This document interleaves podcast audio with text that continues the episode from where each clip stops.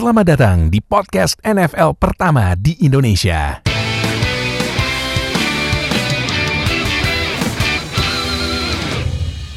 Baik sama gue Fadil, host kalian di Zero Knowledge Podcast. Nah, seperti biasa, eh kalau kemarin udah nonton top 5 running back prospek di musim 2021, nah sekarang kita akan membahas top 5 rookie draft prospek posisi running back. Jadi ya eh, minggu ini kita bahas running back, minggu depannya kita bahas mungkin wide receiver ya. Nah, sekarang kita balik lagi sama Julian sama Noha yang um, meng-share draft prospek Toto ada yang komen Who, who put this list? Hai! Ahai! langsung dikomplain. Waduh. langsung Ya, komplain. na- namanya juga netizen. Netizen kan punya selera sendiri. Maklumin aja. Ya, kan everyone is enti- entitled to their own opinion. Templetan ini ya, templetan jawaban ya. tapi tapi ya kalau misalnya kalian emang nggak setuju ya nggak apa-apa ya. Penting kan bisa di backing dengan data yang bagus. Cuman baik lagi gue bilang, gue tekenin lagi. Stats emang nggak bohong, tapi kan kita tapi harus di detail lagi gimana cara dapetin statsnya. Gitu. Kayak Benar, nil- benar, kayak nilai benar. ulangan aja dapat 100, emang eh, ada yang nggak nyontek gitu aja. Nah, atau kan kayak contohnya kayak Kirk Cousins, statsnya bagus ternyata dapetnya garbage time. Ya kan? Ya udah, jadi kalau mau adu stats ya harus didetail lagi gimana. Nah, yaudah kalau itu nggak pakai lama. Langsung aja kita mulai eh, prospek running back yang gue masih penganut don't draft running back in first round sih kalau gue ya. kalau gue. Nah, cuman eh, lu, ngom- sebelum lu ngomong lu ngomong gitu tahun ini tim lu bakal ngedraft Oh iya. running back first round. oh iya. Project projectednya emang Steelers tuh bakal Nah ngambil iya running iya back sih. iya cuman nah ini kalau lu lihat di eh, YouTube eh, di background eh, podcast kita belakangnya ini running backnya Alabama nih Najee Harris nah itu. Steelers Najee Harris. nah, Steelers eh, ininya projectednya Najee Harris ya gue mau sih offensive line dulu cuman kalau udah Najee Harris ya udah Tapi ya mestinya lu nggak perlu worry sih, Deal. Soalnya tahun ini eh, pemain online sama pemain running backnya lumayan deep gitu. Jadi lu Ah. ambil Bener salah banget, satu bener di banget. first round sama second round bisa dapat dua-duanya sih mestinya. Yang Ah. dan juga dapetnya bagus. Hmm, oke oke oke oke. Oke. Nah, eh jadi udah kalau gitu kita langsung mulai aja eh top 5 rookie draft eh prospek posisi running back di musim dua, eh di draft 2021 lan- nanti gue mulai dari Noah dulu. Nuh, lu peringkat 5 siapa? Oh ini dari peringkat Oh, lima ya? Kita dari bawah ya. Dari dari bawah dulu ya dong, sekarang dari ya. bawah, dari bawah. Eh, Ya nggak apa-apa. malah iya, yang enggak di- apa, sekarang dari bawah dulu, dari bawah. Karena kalau da- da- dari atas, ah, nih mang, udah dari bosnya kiri dari bawah dulu, dari bawah. Biar bawah Biar ada biar ntar ada plot twist ya. Nah, itu bener. Nah, sekarang Main kita dari bawah. Yuk. Nomor lima gua, gua akan memilih pema- apa, pemain dari Memphis yang tahun lalu opt out di 2020 karena keluarganya banyak yang kena COVID. Jadi dia memutuskan untuk opt out. Gua pilih Kenneth Gainwell from University of Memphis. Kenneth siapa? Kenneth Gain- Gainwell. Geng, hmm, namanya. Oke, oke. Gainwell, Gainwell. Again, oke, kenapa dia? Oke, gua ngambil makan. Gak apa-apa, santai aja, santai. Gak apa-apa, gak apa-apa. Ini makannya- bukan episode Bukan The episode Buffalo. ini ya, food versus fans versus food ya. oh, lu masih gila yang kemarin makanan ya? enak banget sih. asli. Eh, lu, lu, lu pada nonton ya? Lu pada nonton, jangan Nah, lupa. tuh, yang belum nonton, ah, ketahuan gak update. mestinya ada di ada di sini ya suggested ya. Iya, di, oh di sini gua ada tuh. Oke. Di sini Nah, atau sini. Iya, iya. Nah, teman, kenapa? Eh, kenapa dia, Nu?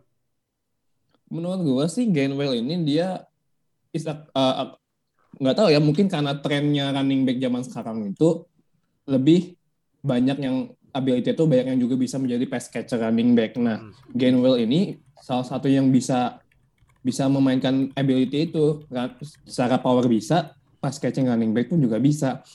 Statsnya dia di 2019 pun juga sebenarnya oke, cuman kan Hmm. karena dia apa 267 yard itu kalau nggak salah ada ada di satu game dan dia cuma dropnya cuma sekali doang Hmm. dropnya cuma sekali tapi ya memang memang karena tahun kemarin opt out jadi memang kayak kita tuh nggak bisa terlalu lagi terlalu banyak di mana dia main di musim 2020 tapi walaupun dia opt out bisa stoknya tuh masih bisa tinggi dia kan projected-nya kalau nggak apa second round awal apa pokoknya second round sama late second round itu juga juga cukup bagus gitu dengan dia opt out tapi dengan ability dia yang sebenarnya ko- komplit sebagai running back walaupun sebenarnya fouls-nya dia pun juga nggak spesial spesial amat gitu. Dia masih masih struggle dalam apa apa untuk tackle tackle-nya runner itu dia masih cukup banyak ada struggle dari situ walaupun secara ability sama safeness sama safeness-nya dia bagus dan uh, apalagi kan kalau misalnya dia mau coba di ini kan dimasuk ke skema offense-nya NFL Mhm. gua rasa Gainwell tuh bisa menjadi langsung jadi starter tergantung dari siapa tim yang bakal ngedraft dia Mhm. itu sih kalau menurut gua Oke, oke. Dari Memphis, Kenneth, aduh namanya maaf ya, Kenneth Gang Gainwell. Gainwell Gainwell, oke sip. Jul lu siapa Jul? Yes. Kalau gue nomor limanya ini sebenarnya pas gue milih itu antara dua pemain gitu. Dan salah satunya ini ya jadi yang gue pilih antara oke nomor lima gue jadi Michael Carter running back dari UNC. Tapi gue kayak agak split between dia sama uh, running backnya Oklahoma. Oh, uh, Ramondre Stevenson. Tapi lucunya ini mereka berdua tuh kontras banget. Jadi Ram Ramondre Stevenson tuh kayak gede banget. Kayak kalau nggak salah berat dia tuh 246 pounds. mhm. Tapi kalau si si Michael Carter ini justru kayak ringan banget kayak cuman 200 ya pounds, Michael Carter salah. yang kurus lah istilahnya bener Iya, jadi Hmm. kalau Michael Carter ini running back dari UNC ya mungkin orang-orang kayak bakal kayak ini siapa nih running back dari UNC gitu. Tapi ya he's a really good running back. Aha. Kayak he's extremely quick dan juga elusive gitu. Jadi kayak acceleration-nya bagus through the hole terus juga dia bisa uh, make defenders miss gitu. Terus juga dia bagus banget ball vision-nya. Jadi kalau kalian nonton dia, dia itu mungkin uh, karena badannya kecil juga itu necessary ya buat dia untuk punya good vision gitu. Jadi dia uh, bisa lihat kira-kira hole-nya ada di mana yang dibikin sama offensive lineman dia. Terus dia bisa dan dengan kecepatan dia dia bisa langsung burst through the hole gitu tanpa kayak um, dihadang sama uh, linebacker atau mungkin kayak um, mungkin kayak nick, nickel cornerback yang ngebantu di run run defense gitu. Mhm. Terus juga dia ya ini kayak ya very quick lah ya. And juga dia tuh route runningnya bagus. Mhm. Makanya dia bisa uh, pairnya tuh bagus sama running backnya UNC satu lagi yang ya ntar kalian tahu lah siapa gitu. Tapi uh, masalahnya ini juga dia mirip sama Kenneth Gainwell gitu. Badannya kecil. Jadi um, dia tuh cuman uh, 90 kilo. Terus tingginya juga 173 cm doang. Jadi he's like very small gitu. Apalagi buat standar running back NFL. Jadi obviously size-nya tuh concern banget. Dan kayaknya dia kalau mau di, di NFL mau successful ya role dia tuh nggak bisa jadi three, three down back gitu ya. Dia jadi jadi scat back, a situational back gitu yang kayak mungkin pas third down baru di dimasukin as a, as a, as a pass catcher gitu. Jadi whoever drafts him ya mesti partner dia sama running back yang lebih gede gitu. Terus Hmm. juga ya karena size-nya ini um, dia draft grade-nya menurut gue sekitar mungkin late second round sampai late third round gitu. Ya itu Oke. juga tergantung tim masing-masing kan suka running back-nya yang kayak gimana. Mhm. But he has a great potential Mhm. dan juga walaupun dia pendek um, dan ringan, Mhm. he's also he also really has great contact balance. Jadi contact balance itu yang kayak kalau kalian lihat Alvin Kamara kalau di tackle malah uh, tacklernya kayak mental gitu. Nah, that, that's that's itu contact balance namanya. Jadi dia bisa balance badan dia di mana um, kena hit itu bisa diabsorb, terus dianya nggak nggak jatuh, malah justru defendernya yang mental gitu. And he has um, really great contact balance gitu. Jadi makanya um, kenapa gue taruh dia di nomor 5. Hmm, oke. Oke, oke, oke. Nah, peringkat 4 siapa, No? peringkat empat gua tadi sih yang udah disebutin sama Julian di peringkat Oh. lima Michael Carter Michael Carter ya? iya Oke, kenapa Michael Carter?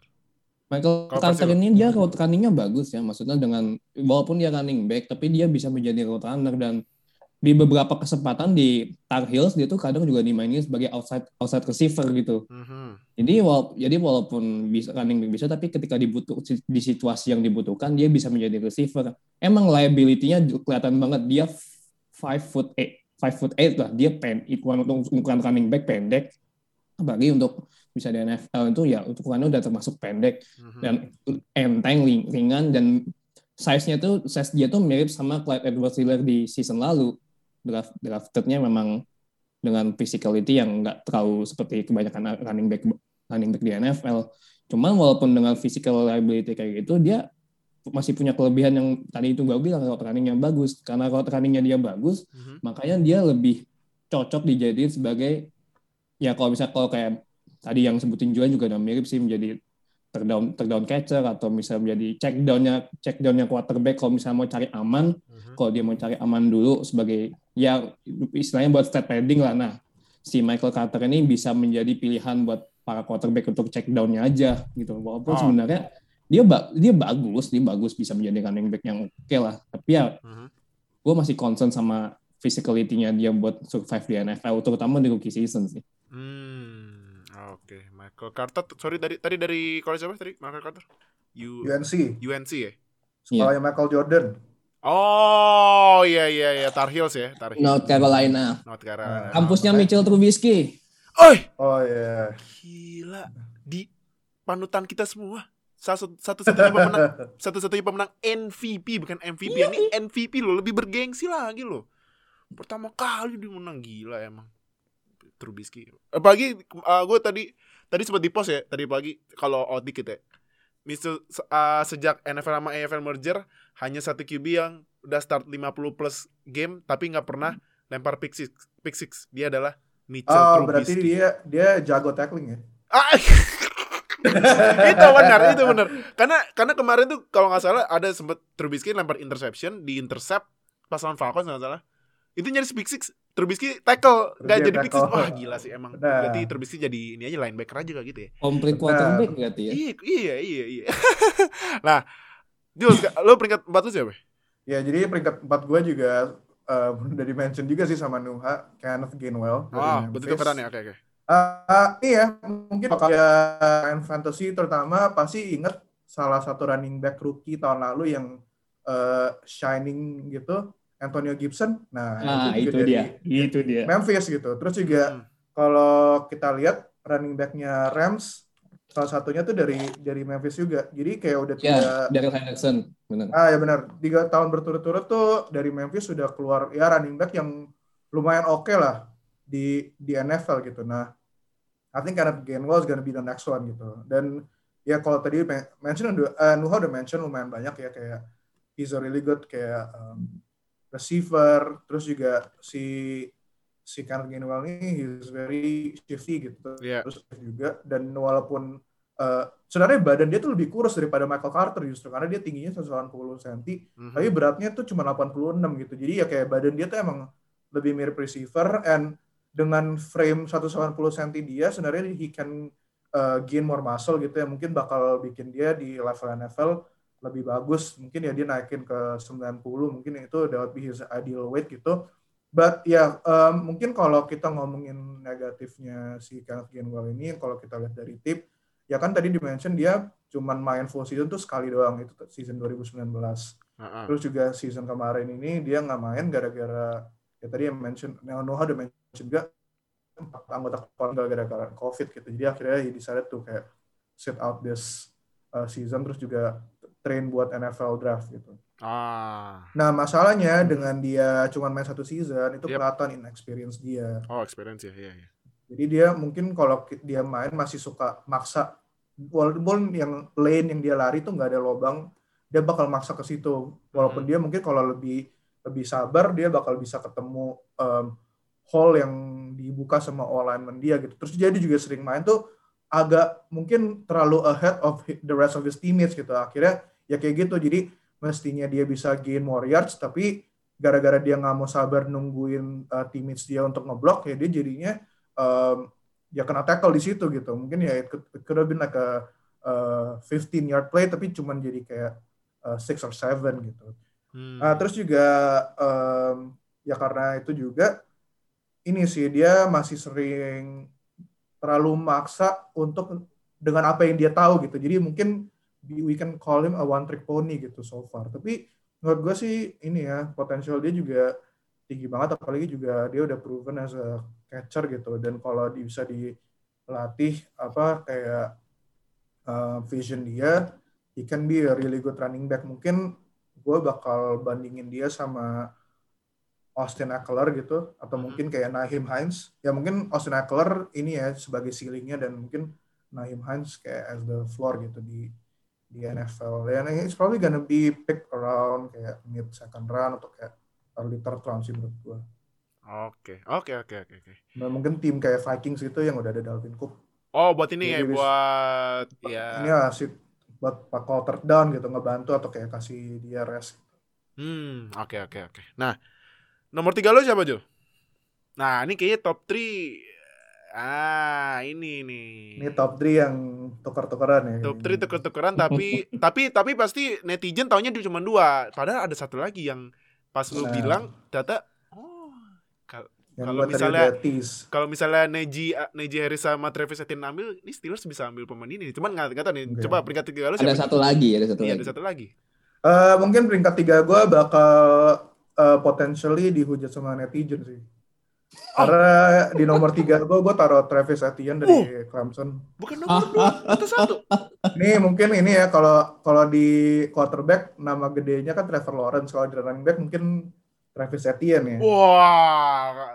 Ini siap-siap Iya, gua- aja. Lu siap-siap aja. Eh, Nanti pas podcast ri- rilis kita rilis apalagi, list ntar lo. apalagi pas kalau listnya dirilis di Instagram ya mungkin orang-orang bakal kayak ah apa ini orang kayak ngasal Pastinya keluarin kartu people entitled for their entitled to your own Opinion. Itu kartu Ya. sakti itu udah tuh. kartu sakti udah tuh udah. Tapi udah, udah, udah. Kenapa lu taruh Travis Etienne nomor 3? Ya, jadi well Travis Etienne sendiri sebenarnya kita nggak tahu ya, kayak dia tuh beratnya berapa gitu. Kayak dia nggak pernah ada official weigh in. Um, jadi range berat dia tuh 91 sampai sekitar 95 kilo. Terus Mhm. tinggi dia 178 cm. Jadi ya badannya sih sebenarnya ya prototipikal NFL running back lah gitu. Mhm. Nggak terlalu tinggi tapi nggak terlalu pendek juga dan ya pretty good frame gitu buat um, buat apa buat sebagai NFL running back gitu.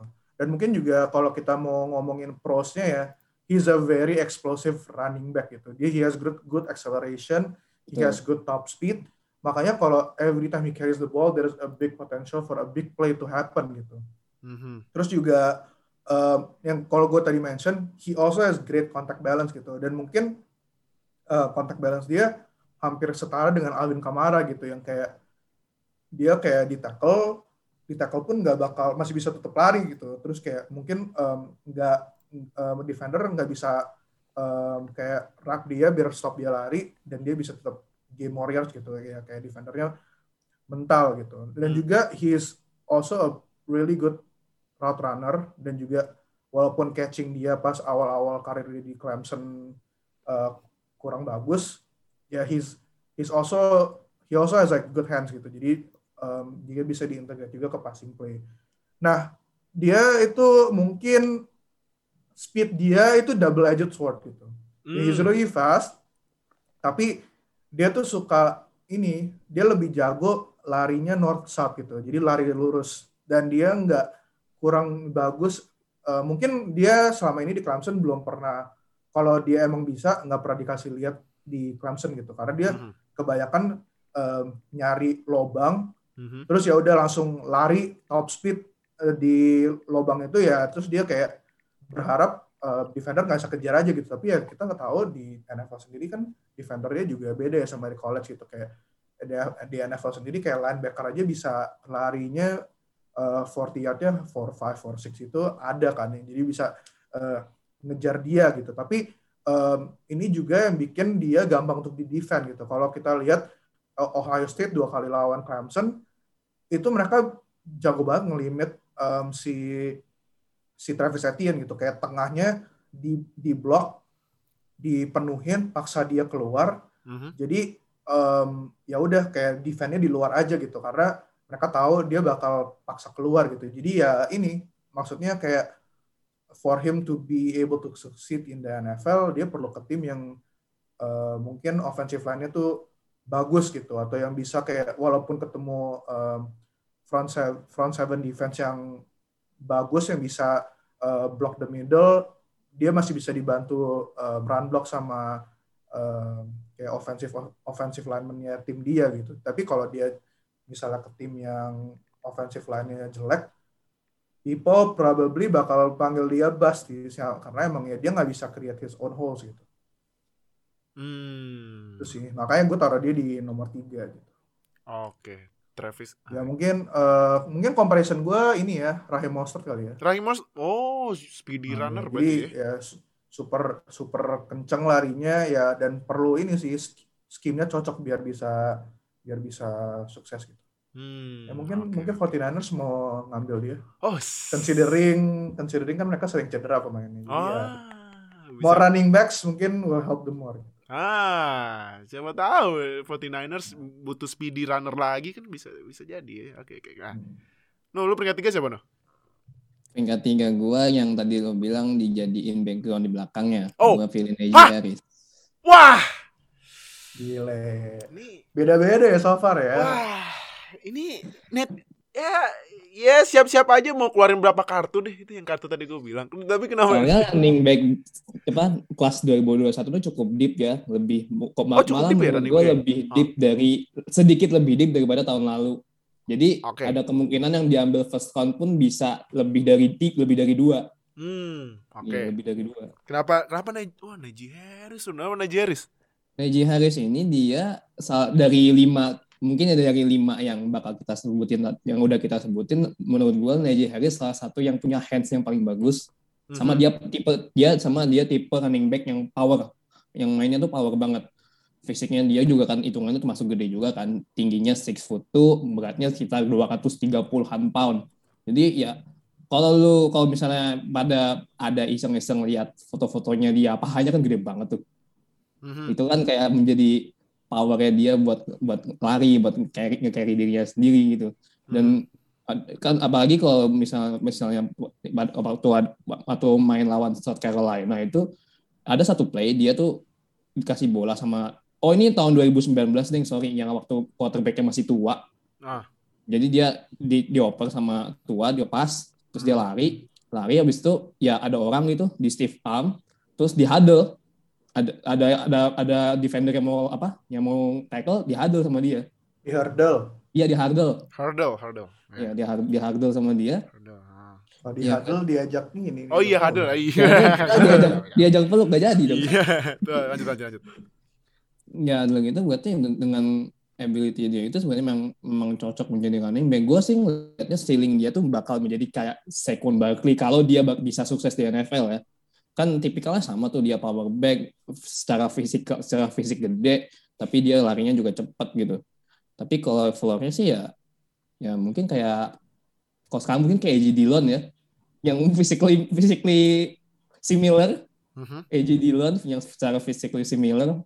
Jadi Najee Harris sebenarnya bisa menjadi cuman kurangnya Najee Harris ini tuh dia tuh nggak maksudnya walaupun dia atletis dia tuh kayak yang masih missnya tuh dia tuh nggak bisa create create a big play gitu ketika tim ketika Alabama tuh benar-benar butuh something from him somehow he he, he miss gitu buat buat apa namanya buat nyelesain playnya itu jadi gue agak concernnya sama gimana dia mentality dia nanti ketika masuk NFL how he will how he will in in in the, in in the game in the big play itu sih yang menjadi agak concern gue.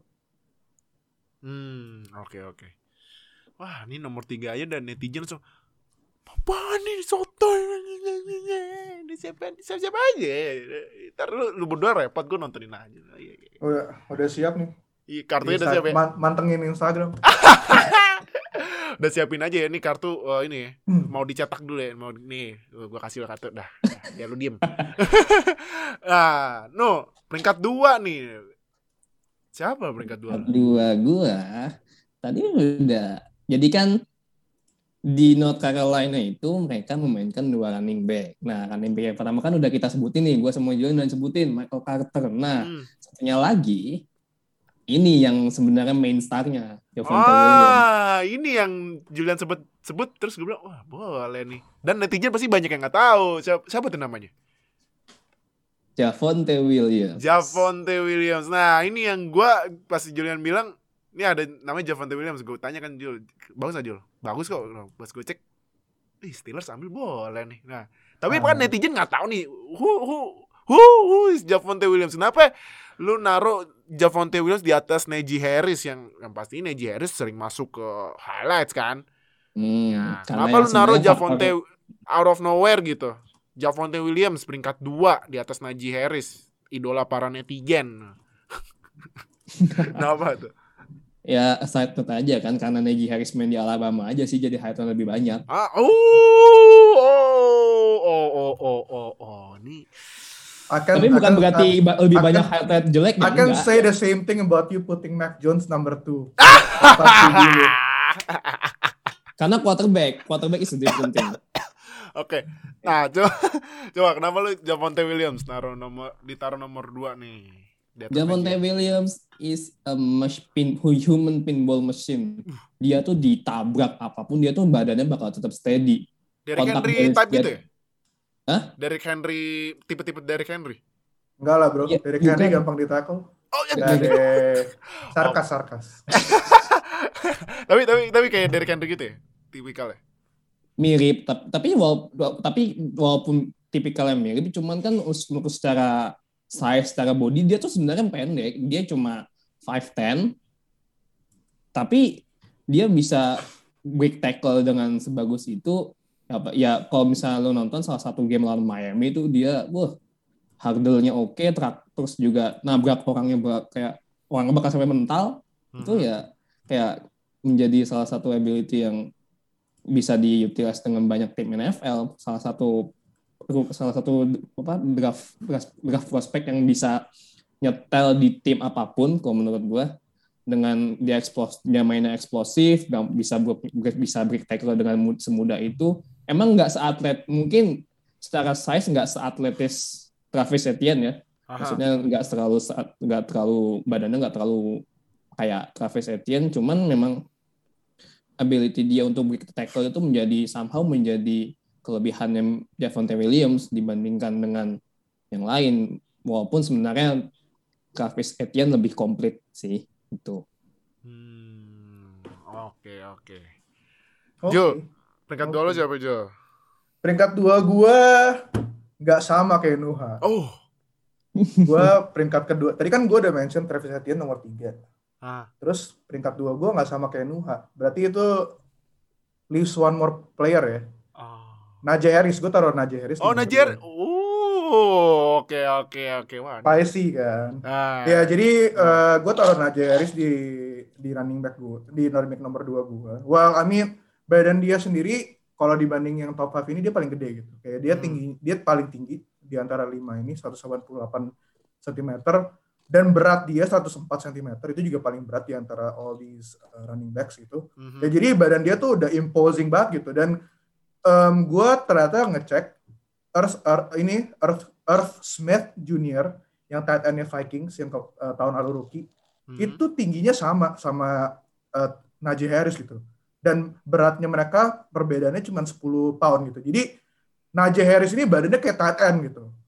A starting tight end di NFL dan juga ternyata gue cek wingspan-nya Najee Harris itu 81 inch dan di senior bowl kemarin itu lebih panjang dari semua wide receiver yang ada Serius gila.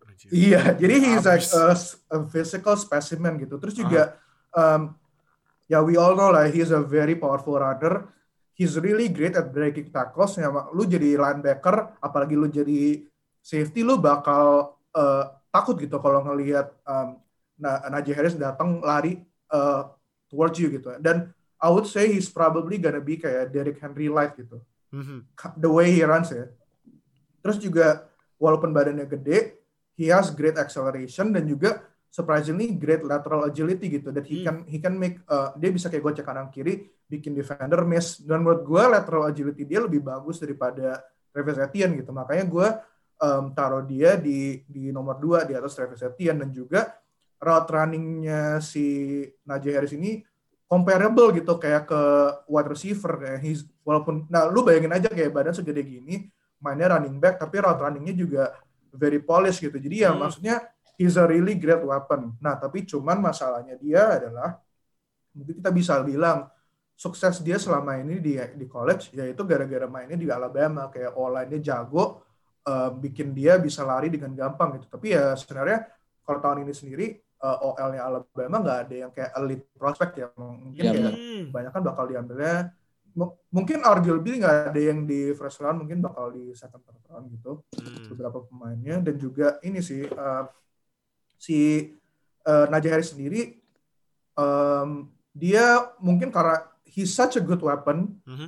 dia tuh nggak pernah dipakai untuk pass blocking di Alabama gitu jadi Oh. ya karena emang OL-nya sendiri udah bagus ya nggak perlu bantuan running back gitu buat pass blocking. Tapi ya that's something that he has to do in the NFL gitu. Dan kalau kita lihat walaupun badannya gede dan um, dia kuat teknik dia untuk pass blocking tuh masih kurang bagus gitu. Jadi um, not, uh, dia masih gampang di, untuk didorong atau kayak di inilah maksudnya kayak di dicurangin sama defensive line atau defensive edge yang bakal match up sama dia gitu. Dan juga um, dia masih kurang jago at recognizing blitz. Jadi ya kalau ada blitz ya dia mungkin miss gitu dan mungkin bisa bikin quarterback dia kena sack gitu. Tapi um, ada juga orang bilang concernnya Najee Harris ini udah main di college lumayan lama gitu empat Mhm. tahun.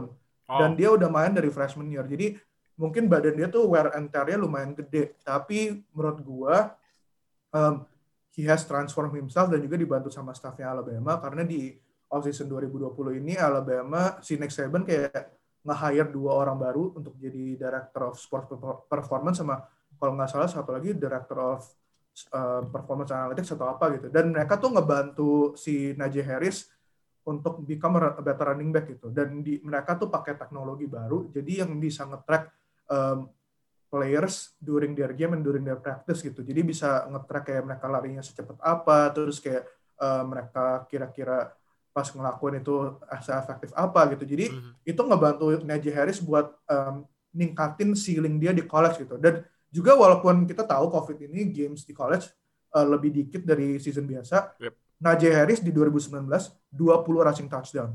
Di 2020 kemarin ini 30 rushing touchdown. Ah, eh 30 total touchdown. Nah total makanya ya sama di, receiving ya? di, di game lebih yang yang lebih dikit justru touchdownnya tambah banyak gitu jadi he has kayak taken himself to another level ya. Dan kayak Nuha bilang kayak pahanya tuh gede banget ya ya he's a physical freak lah gitu.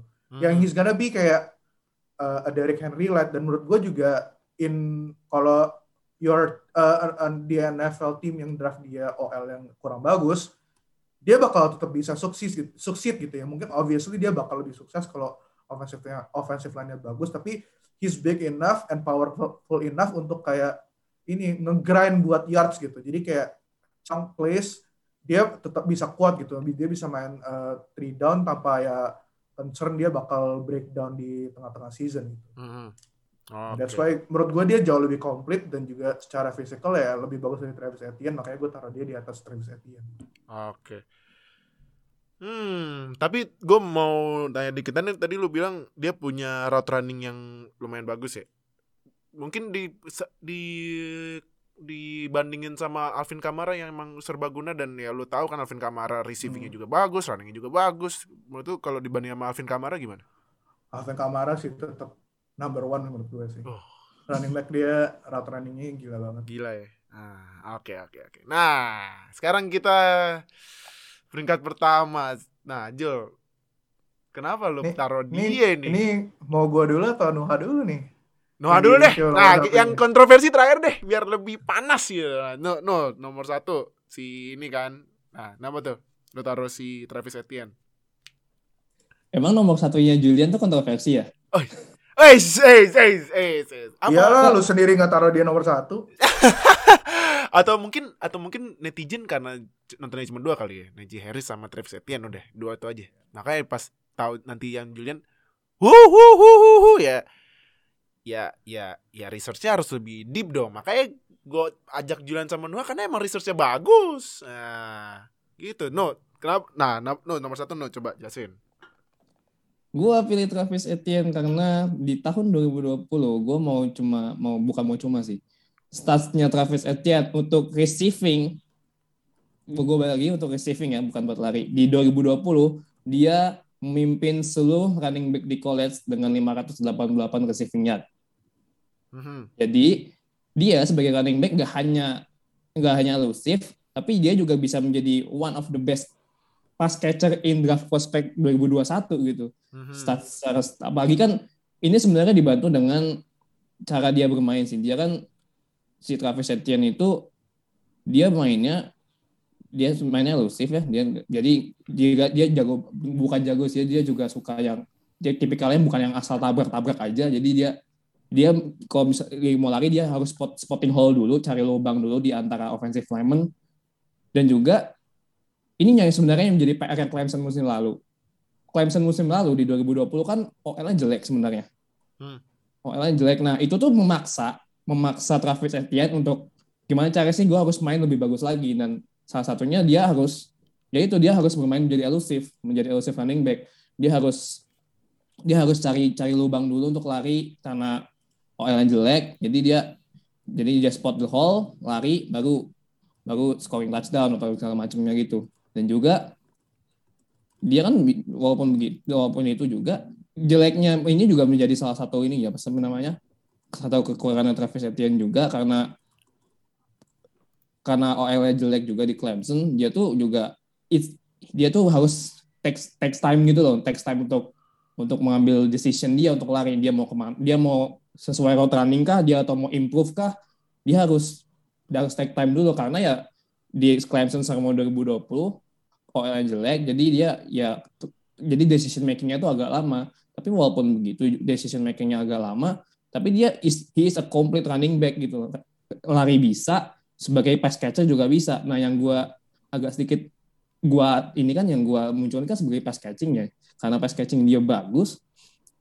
Walaupun cuma bikin ya walaupun cuma satu touchdown lah sebagai pass catching running back, tapi dia ya ya after catch malah yang paling gede, cukup gede 21,4 yard after catch 21,4 yard after catch. Yard after catch. Per catch setiap setiap catch yang Travis Etienne Per- ambil per itu ya game. jumlahnya per game. Uh, main gede. Eh bukan per game, total 2020. Serius? Ya, total 2020 dia 21,4 21,4 yard after catch per catch-nya. Gila. Parkit buset dah. Jadi kalau misalnya yang dengerin nggak tahu yard, yard after catch itu apa sih? Jadi kalau misalnya dia udah dapat bola, ya dia bawa lari bolanya itu ya ya- jatuhnya itu ya adalah yard after catch. Yang di itu kan yardnya tuh dia lari berapa yard setelah nangkap bola. Nah itu tuh yang di- yang dihitung yard, yard after catch-nya tuh itu yang dihitung. Nah Tra- si Travis Etienne gede di situ. Jadi ya itu kayak menambah poin dia sebagai pass catching running back yang bisa dipakai tergantung skema offense yang dipakai di tim NFL dan dia kan di projected-nya sih kurang lebih antara di first round cuman nggak nggak nggak bakal terlalu tinggi juga. Paling kalau nggak late late first round. Jadi memang tim-tim yang yang notabene tahun lalu masuk playoff mungkin bisa ya coba-coba ambil Travis Etienne karena ya ability dia salah satu yang paling komplit di draft 2000 di draft prospect 2021 Hmm. Bills mungkin Bills. Apa? Bills cocok ke Bills kayaknya. Oh.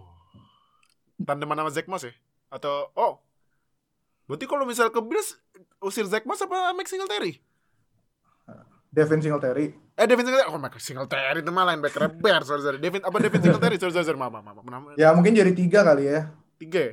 Ya, RB RBBC. kayak Devin Singletary ya jadi rotational scat back lah. Karena dia Oh. paling kecil kan.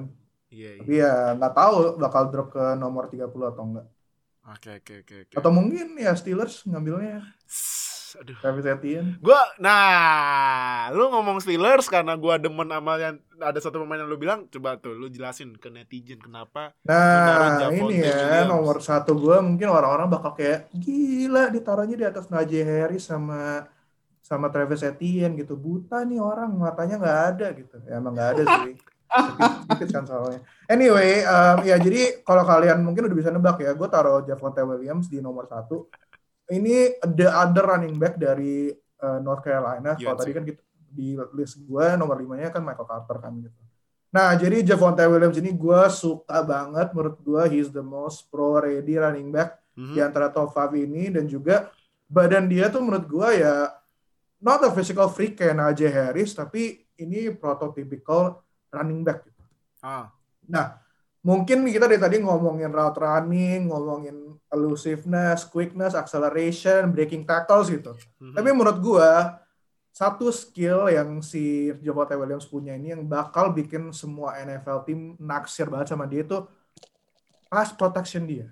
Hmm. pass protection dia dibanding kayak Najee Harris, Travis Etienne itu pass protectionnya jauh di bawah dibanding uh, Javonte Williams gitu. Kayak Javonte Williams, not only is he good at uh, blocking, kayak teknik dia tuh bagus, dan dia lawan uh, linebacker atau defensive end gitu, dia bisa match up sama mereka. Terus dia juga he's good at uh, recognizing blitz gitu. Dan juga ya, maksudnya kayak inilah ya, of course kalau kita nomor taruh nomor satu, ya he's a great runner, lalu save, bla bla bla segala macam gitu.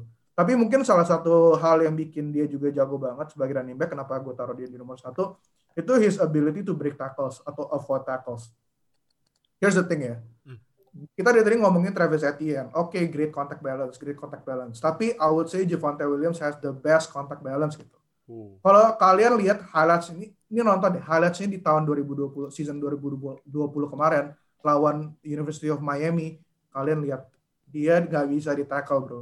Nih, dia di season kemarin ini ya, he led the nation with 17, 76 broken tackles. Jadi 76 broken tackle dari 157 attempts.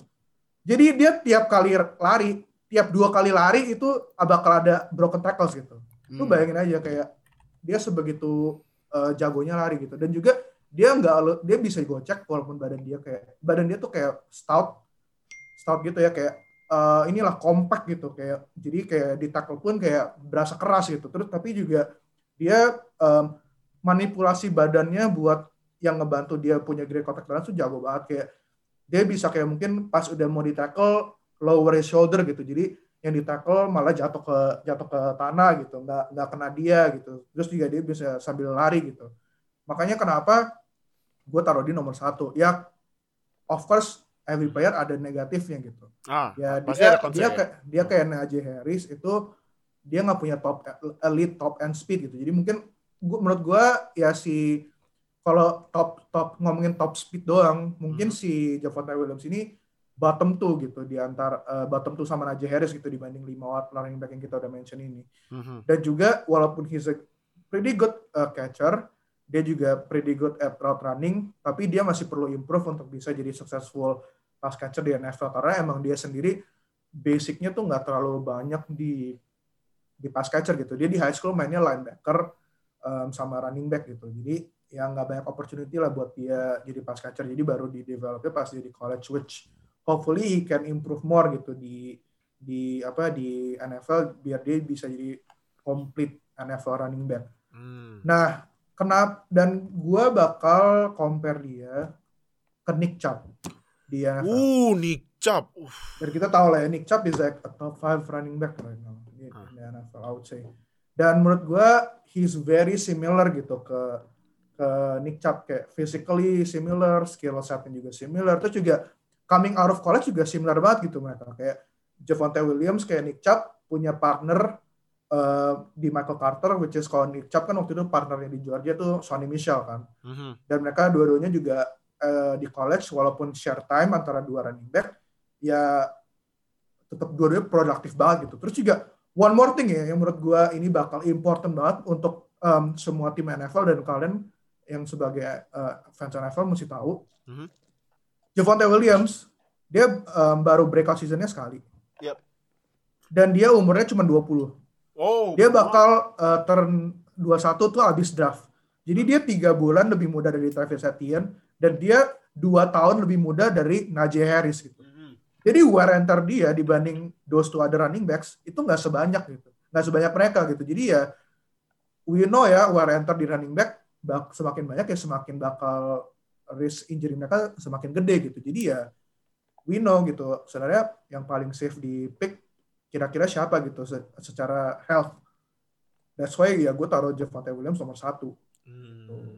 Kalau kalian mungkin bingung ini siapa Javonte Williams kenapa di nomor satu ini kan kalian udah di YouTube udah sekalian aja habis nonton video ini ke search bar langsung nyari Javonte Williams highlights gitu Oh, oke atau kalian langsung tahu biar biar nggak keburu komen di Instagram atau komen di YouTube langsung cari aja di, di search bar YouTube Oke Nonton deh.